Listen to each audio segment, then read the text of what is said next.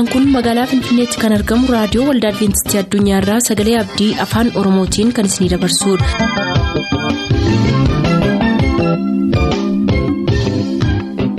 raadiyoo keessan banattaniin kan sagantaa keenya ordofaa jirtan maraan nagaan keenya sinaa qaqqabu akkam jirtu dhaggeeffattoota keenya sagantaa keenyaarraas kan jalqabnu sagantaa macaafni qulqulluu maal jedhaanidha turtii gaarii.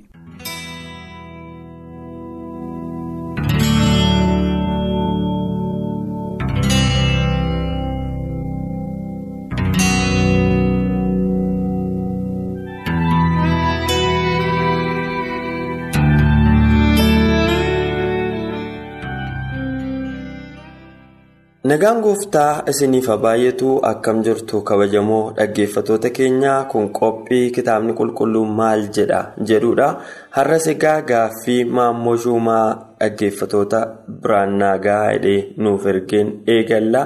Isa dura garuu kadhannaadhaan jalqabnaa. Afurri waaqayyoo dubbii kan akka nuuf ibsuuf isinis bakkuma jirtanitti nu waliin kadhadha. Gooftaa jaalalaa gaarummaan kee fi amanamummaan kee hamma yoonaatti waan nu wajjin ta'eef maqaan kee haa eebbifamu. Torbeen tokko darbanii har'as jaalala kee taanaan gaaffii kitaaba qulqulluu keessaa nu qaqqabe kanaaf deebii laachuuf nuuf fayyamteettaa ulfaadhu. Amma immoo gaa dhoksaa gadi fagoo kanaa dhaggeeffatoota keetiif dhuguma warra dubbii kee kana dhaga'aniif hafuurri kee isaaniif haa ibsu nuunis nutti fayyadame maqaa yesuusiin ameen. Gaaffii maammoo shumaattiin isin dabarsaa wallagga lixaan naangoorraatti kan inni bilbile. Iyyoo boqonnaa lama irratti seexanni qaamumaan waaqayyoo fi ilmaan isaa waliin haasa'ee jedha. Gaaffii sana immoo dhaggeeffataa kan biraan kan meesejiidhaan nuuf erge yesus yeroo seexanaan qorame qaamaaf qaamaan immoo qorumsa yaadaatii kan jedhus kutaattaanu keessatti gaafateera. Gaaffileen kun egaa yaadi isaa wal fakkaataadha waan ta'eef. Walumatti qabdan yoo yaada isaa nuuf ibsitan natti tola gaaffii maammoo shumaaf kan dhaggeeffataa kanaa kana fakkaata.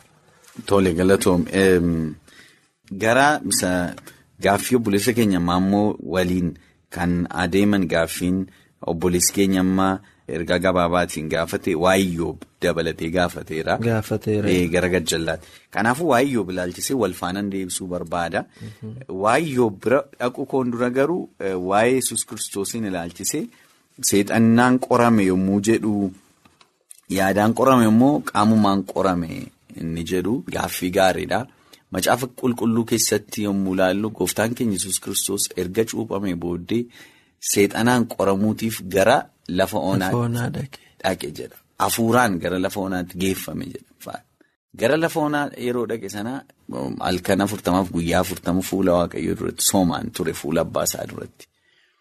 Gara dhumaarratti seexanni gara isaa dhufe. Lafa inni dadhabee jirutti, lafa inni beela'ee jirutti. Qorumsi gooftaa keenya yesus kiristoos hunduma keenyaaf barumsa guddaa ta'a. Jalqaba jalqabaa maaliin isa qoree? Qoonqootiin isa qoree nyaataan isa qoree? Ati ilma waaqayyoo erga taate ati maal jechuu isaatii uumaa erga taate dhagaa kana. Buddeen gootee nyaachuu dandeessa kanaafuu mee buddeen godhime jedha humna waaqummaa isaa lafa kanarratti yesus akka fayyadamu barbaade haa ta'u malee gooftaan keenya yesus kiristoos addunyaa kanarratti humna waaqummaa isaa ulfina isaatiif yookiin immoo faayidaa dhuunfaa isaatiif hin fayyadamne. Gooftaan yesus yommuu qoramaa ture sana qaamaan qorame seexanni har'a yommuu nu qoru attamitti nu qora bifa garaagaraatiin nu qora. Kaan miiraan qora. Kaan karaa nama keessaa goree qora. Kaan haala keessa goree qora.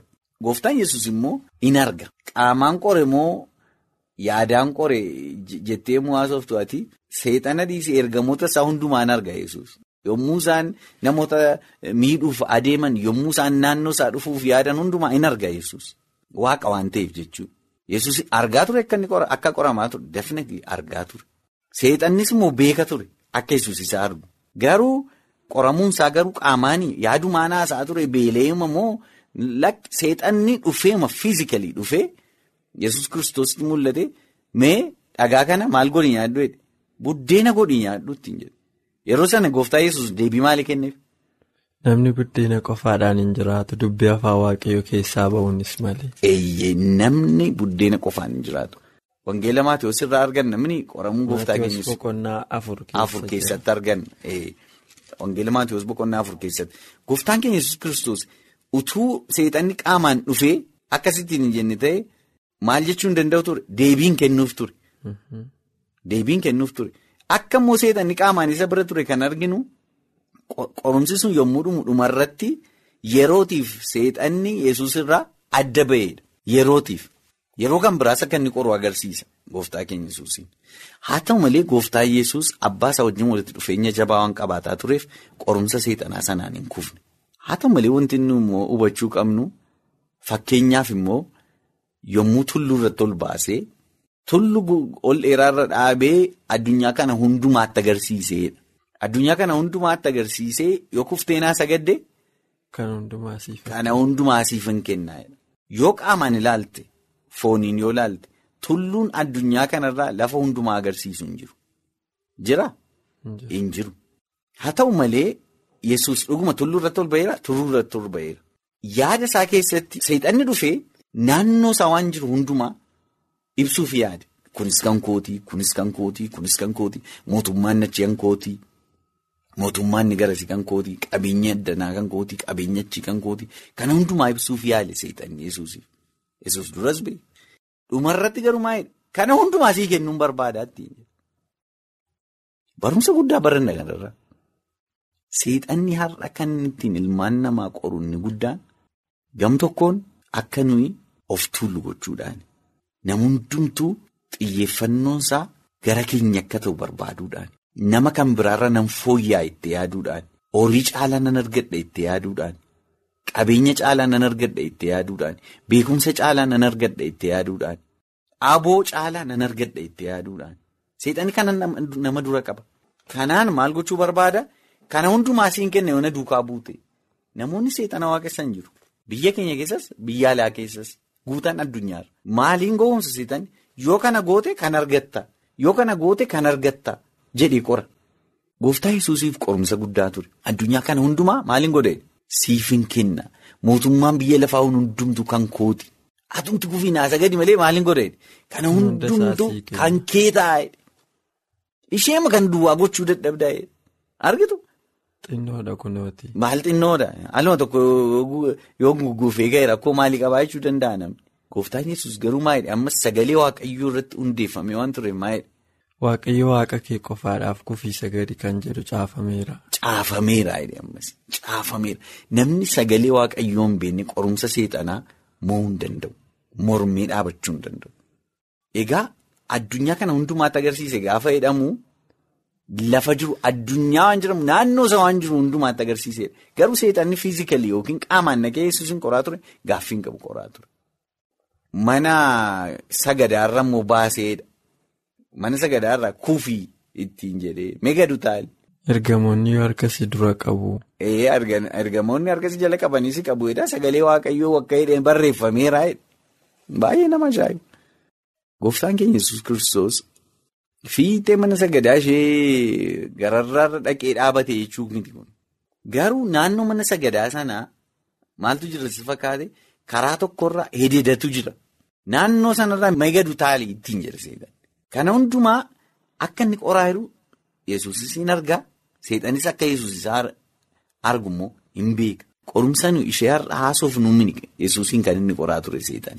Qorumsa isaa kufanii cabuuf kufanii cabuu dhiisuu mini. Waa isa haasaan jiru seexan.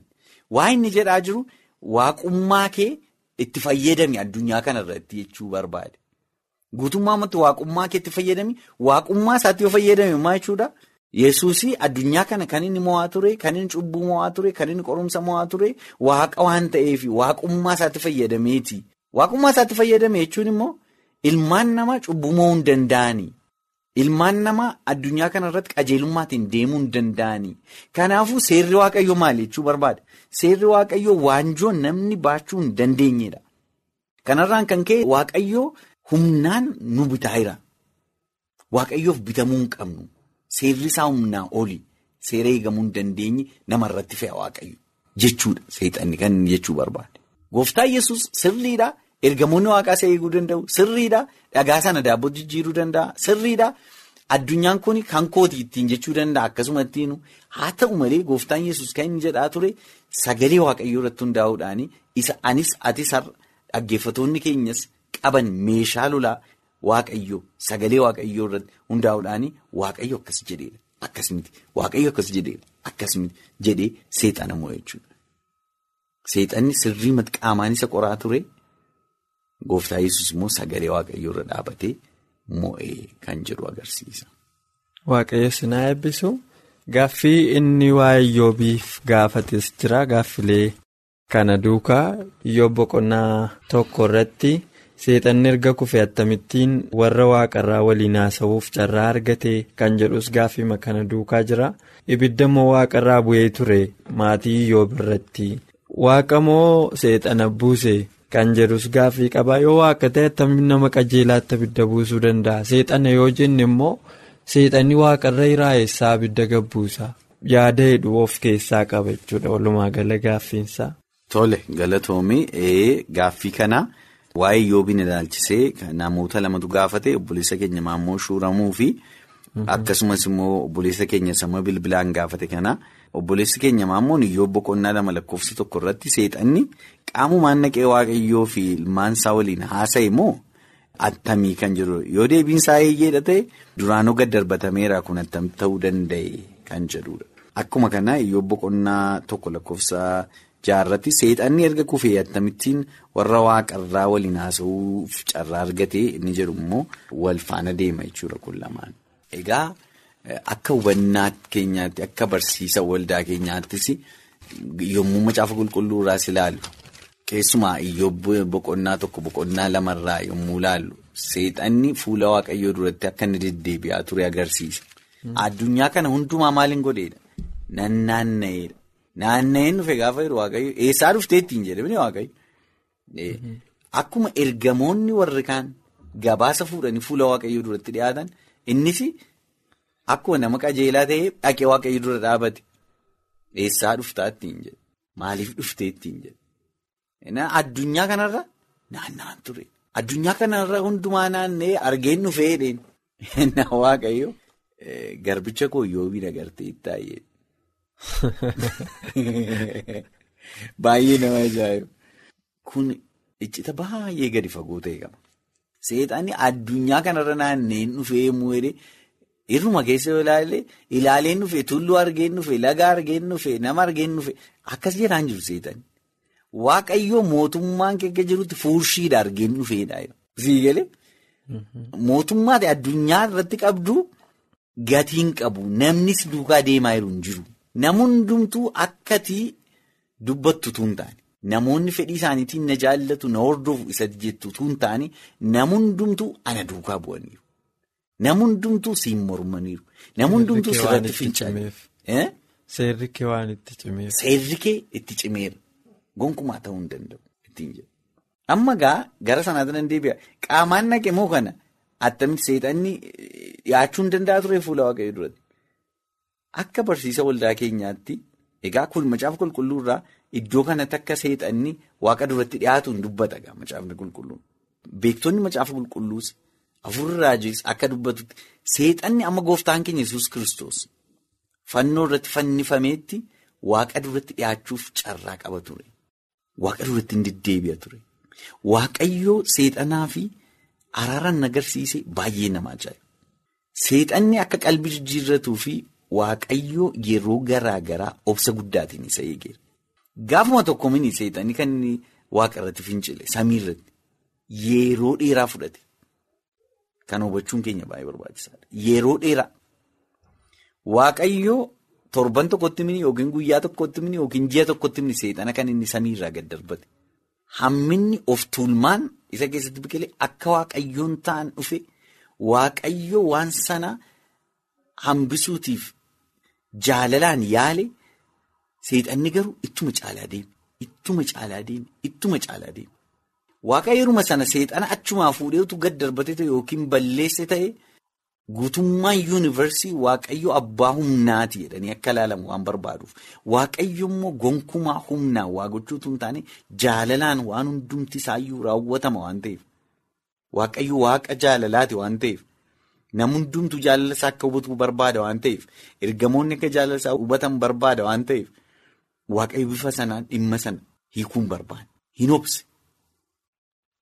Amma firiin cubbuu isaatii sirriitti mul'atu tobse.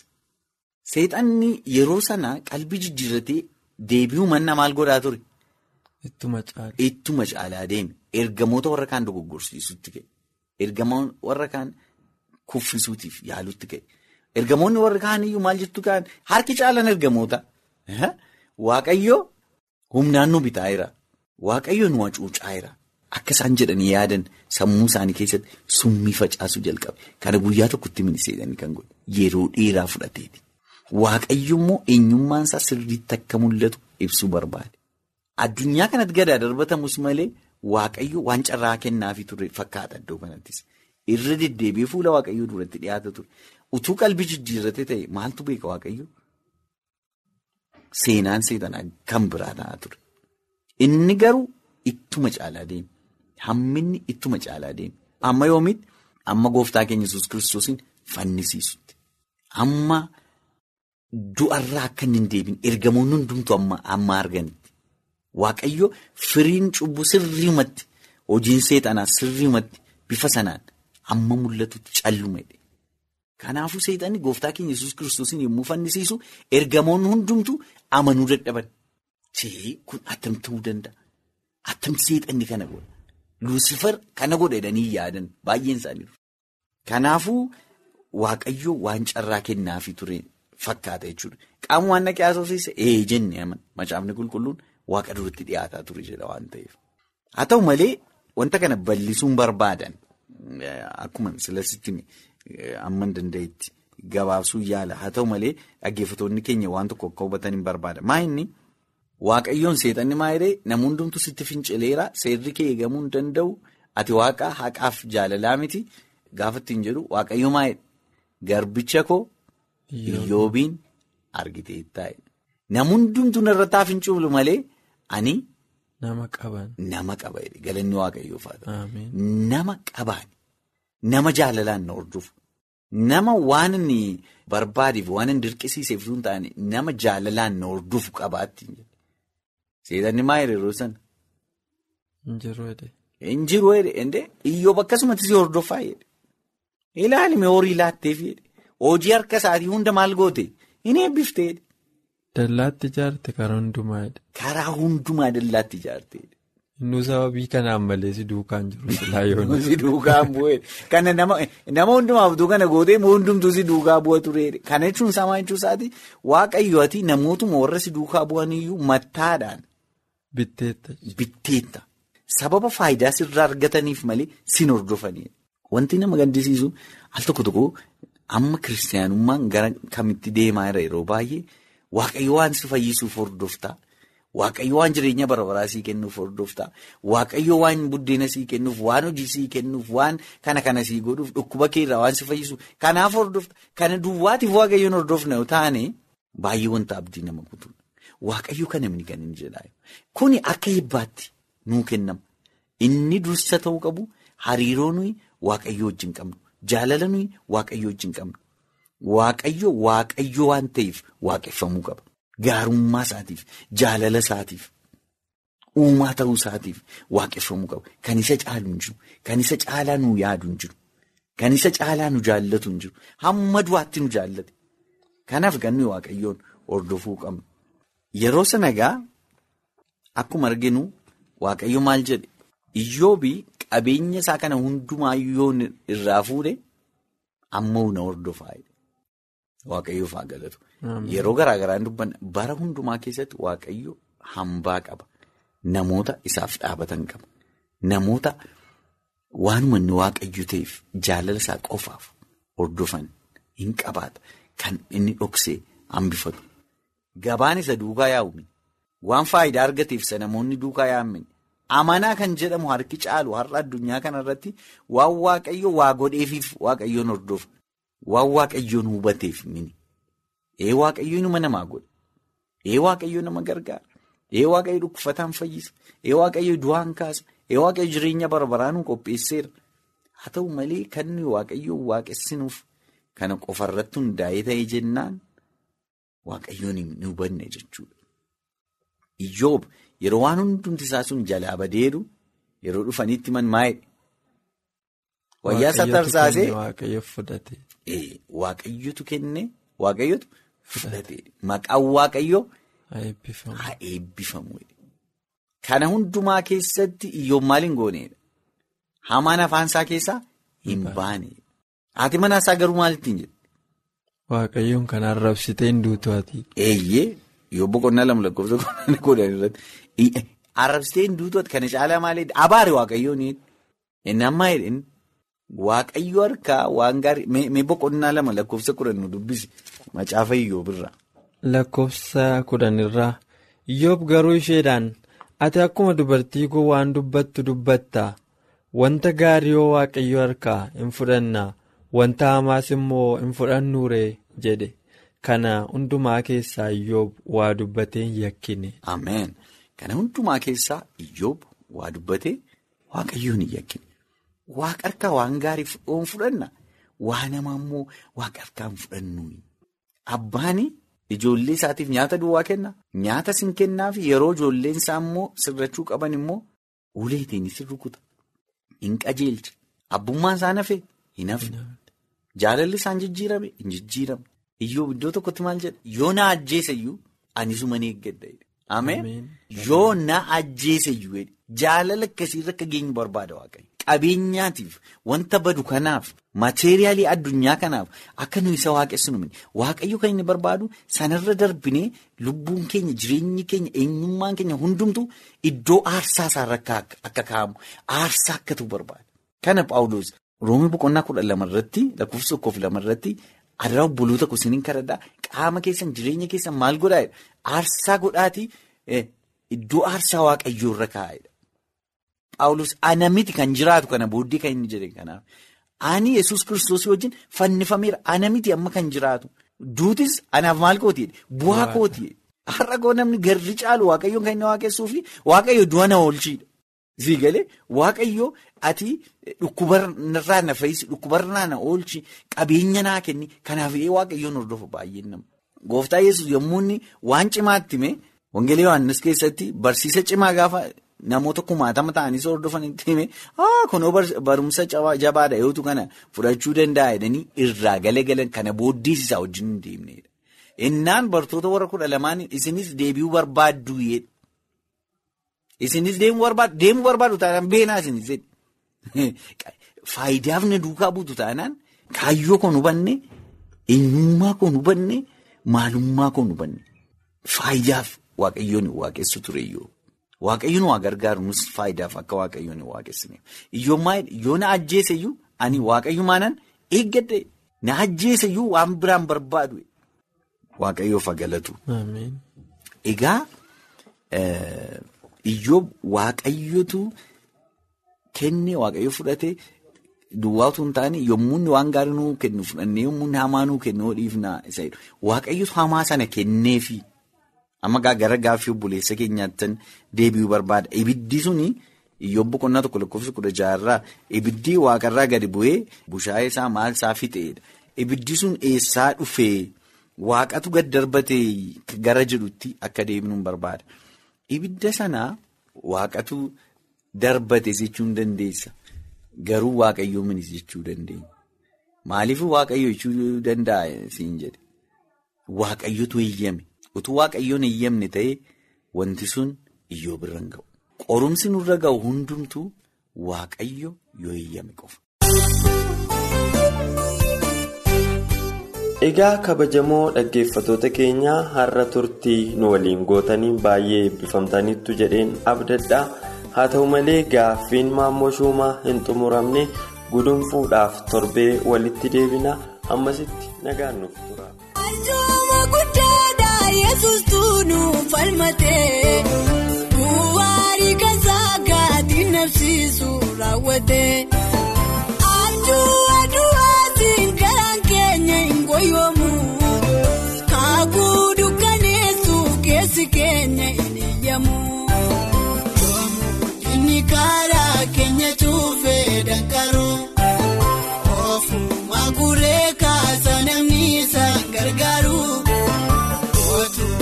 dhiibu ofii footoo kaasena.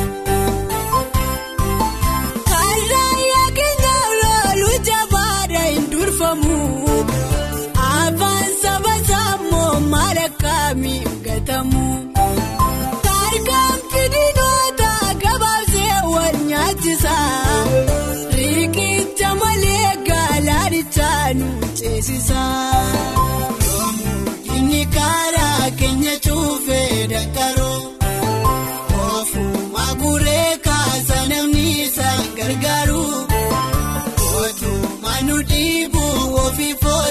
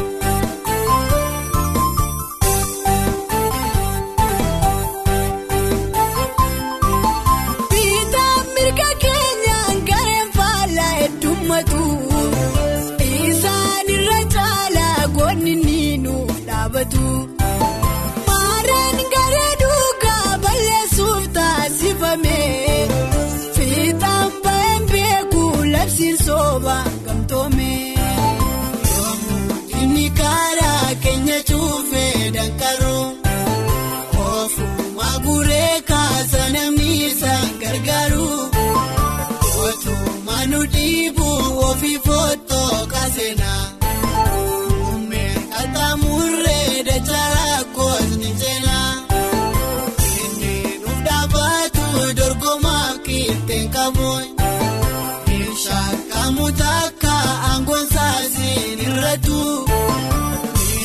gama gaamtoo minni diinoota keenya muskaaraatti naannoo biyya diizaayina keenya.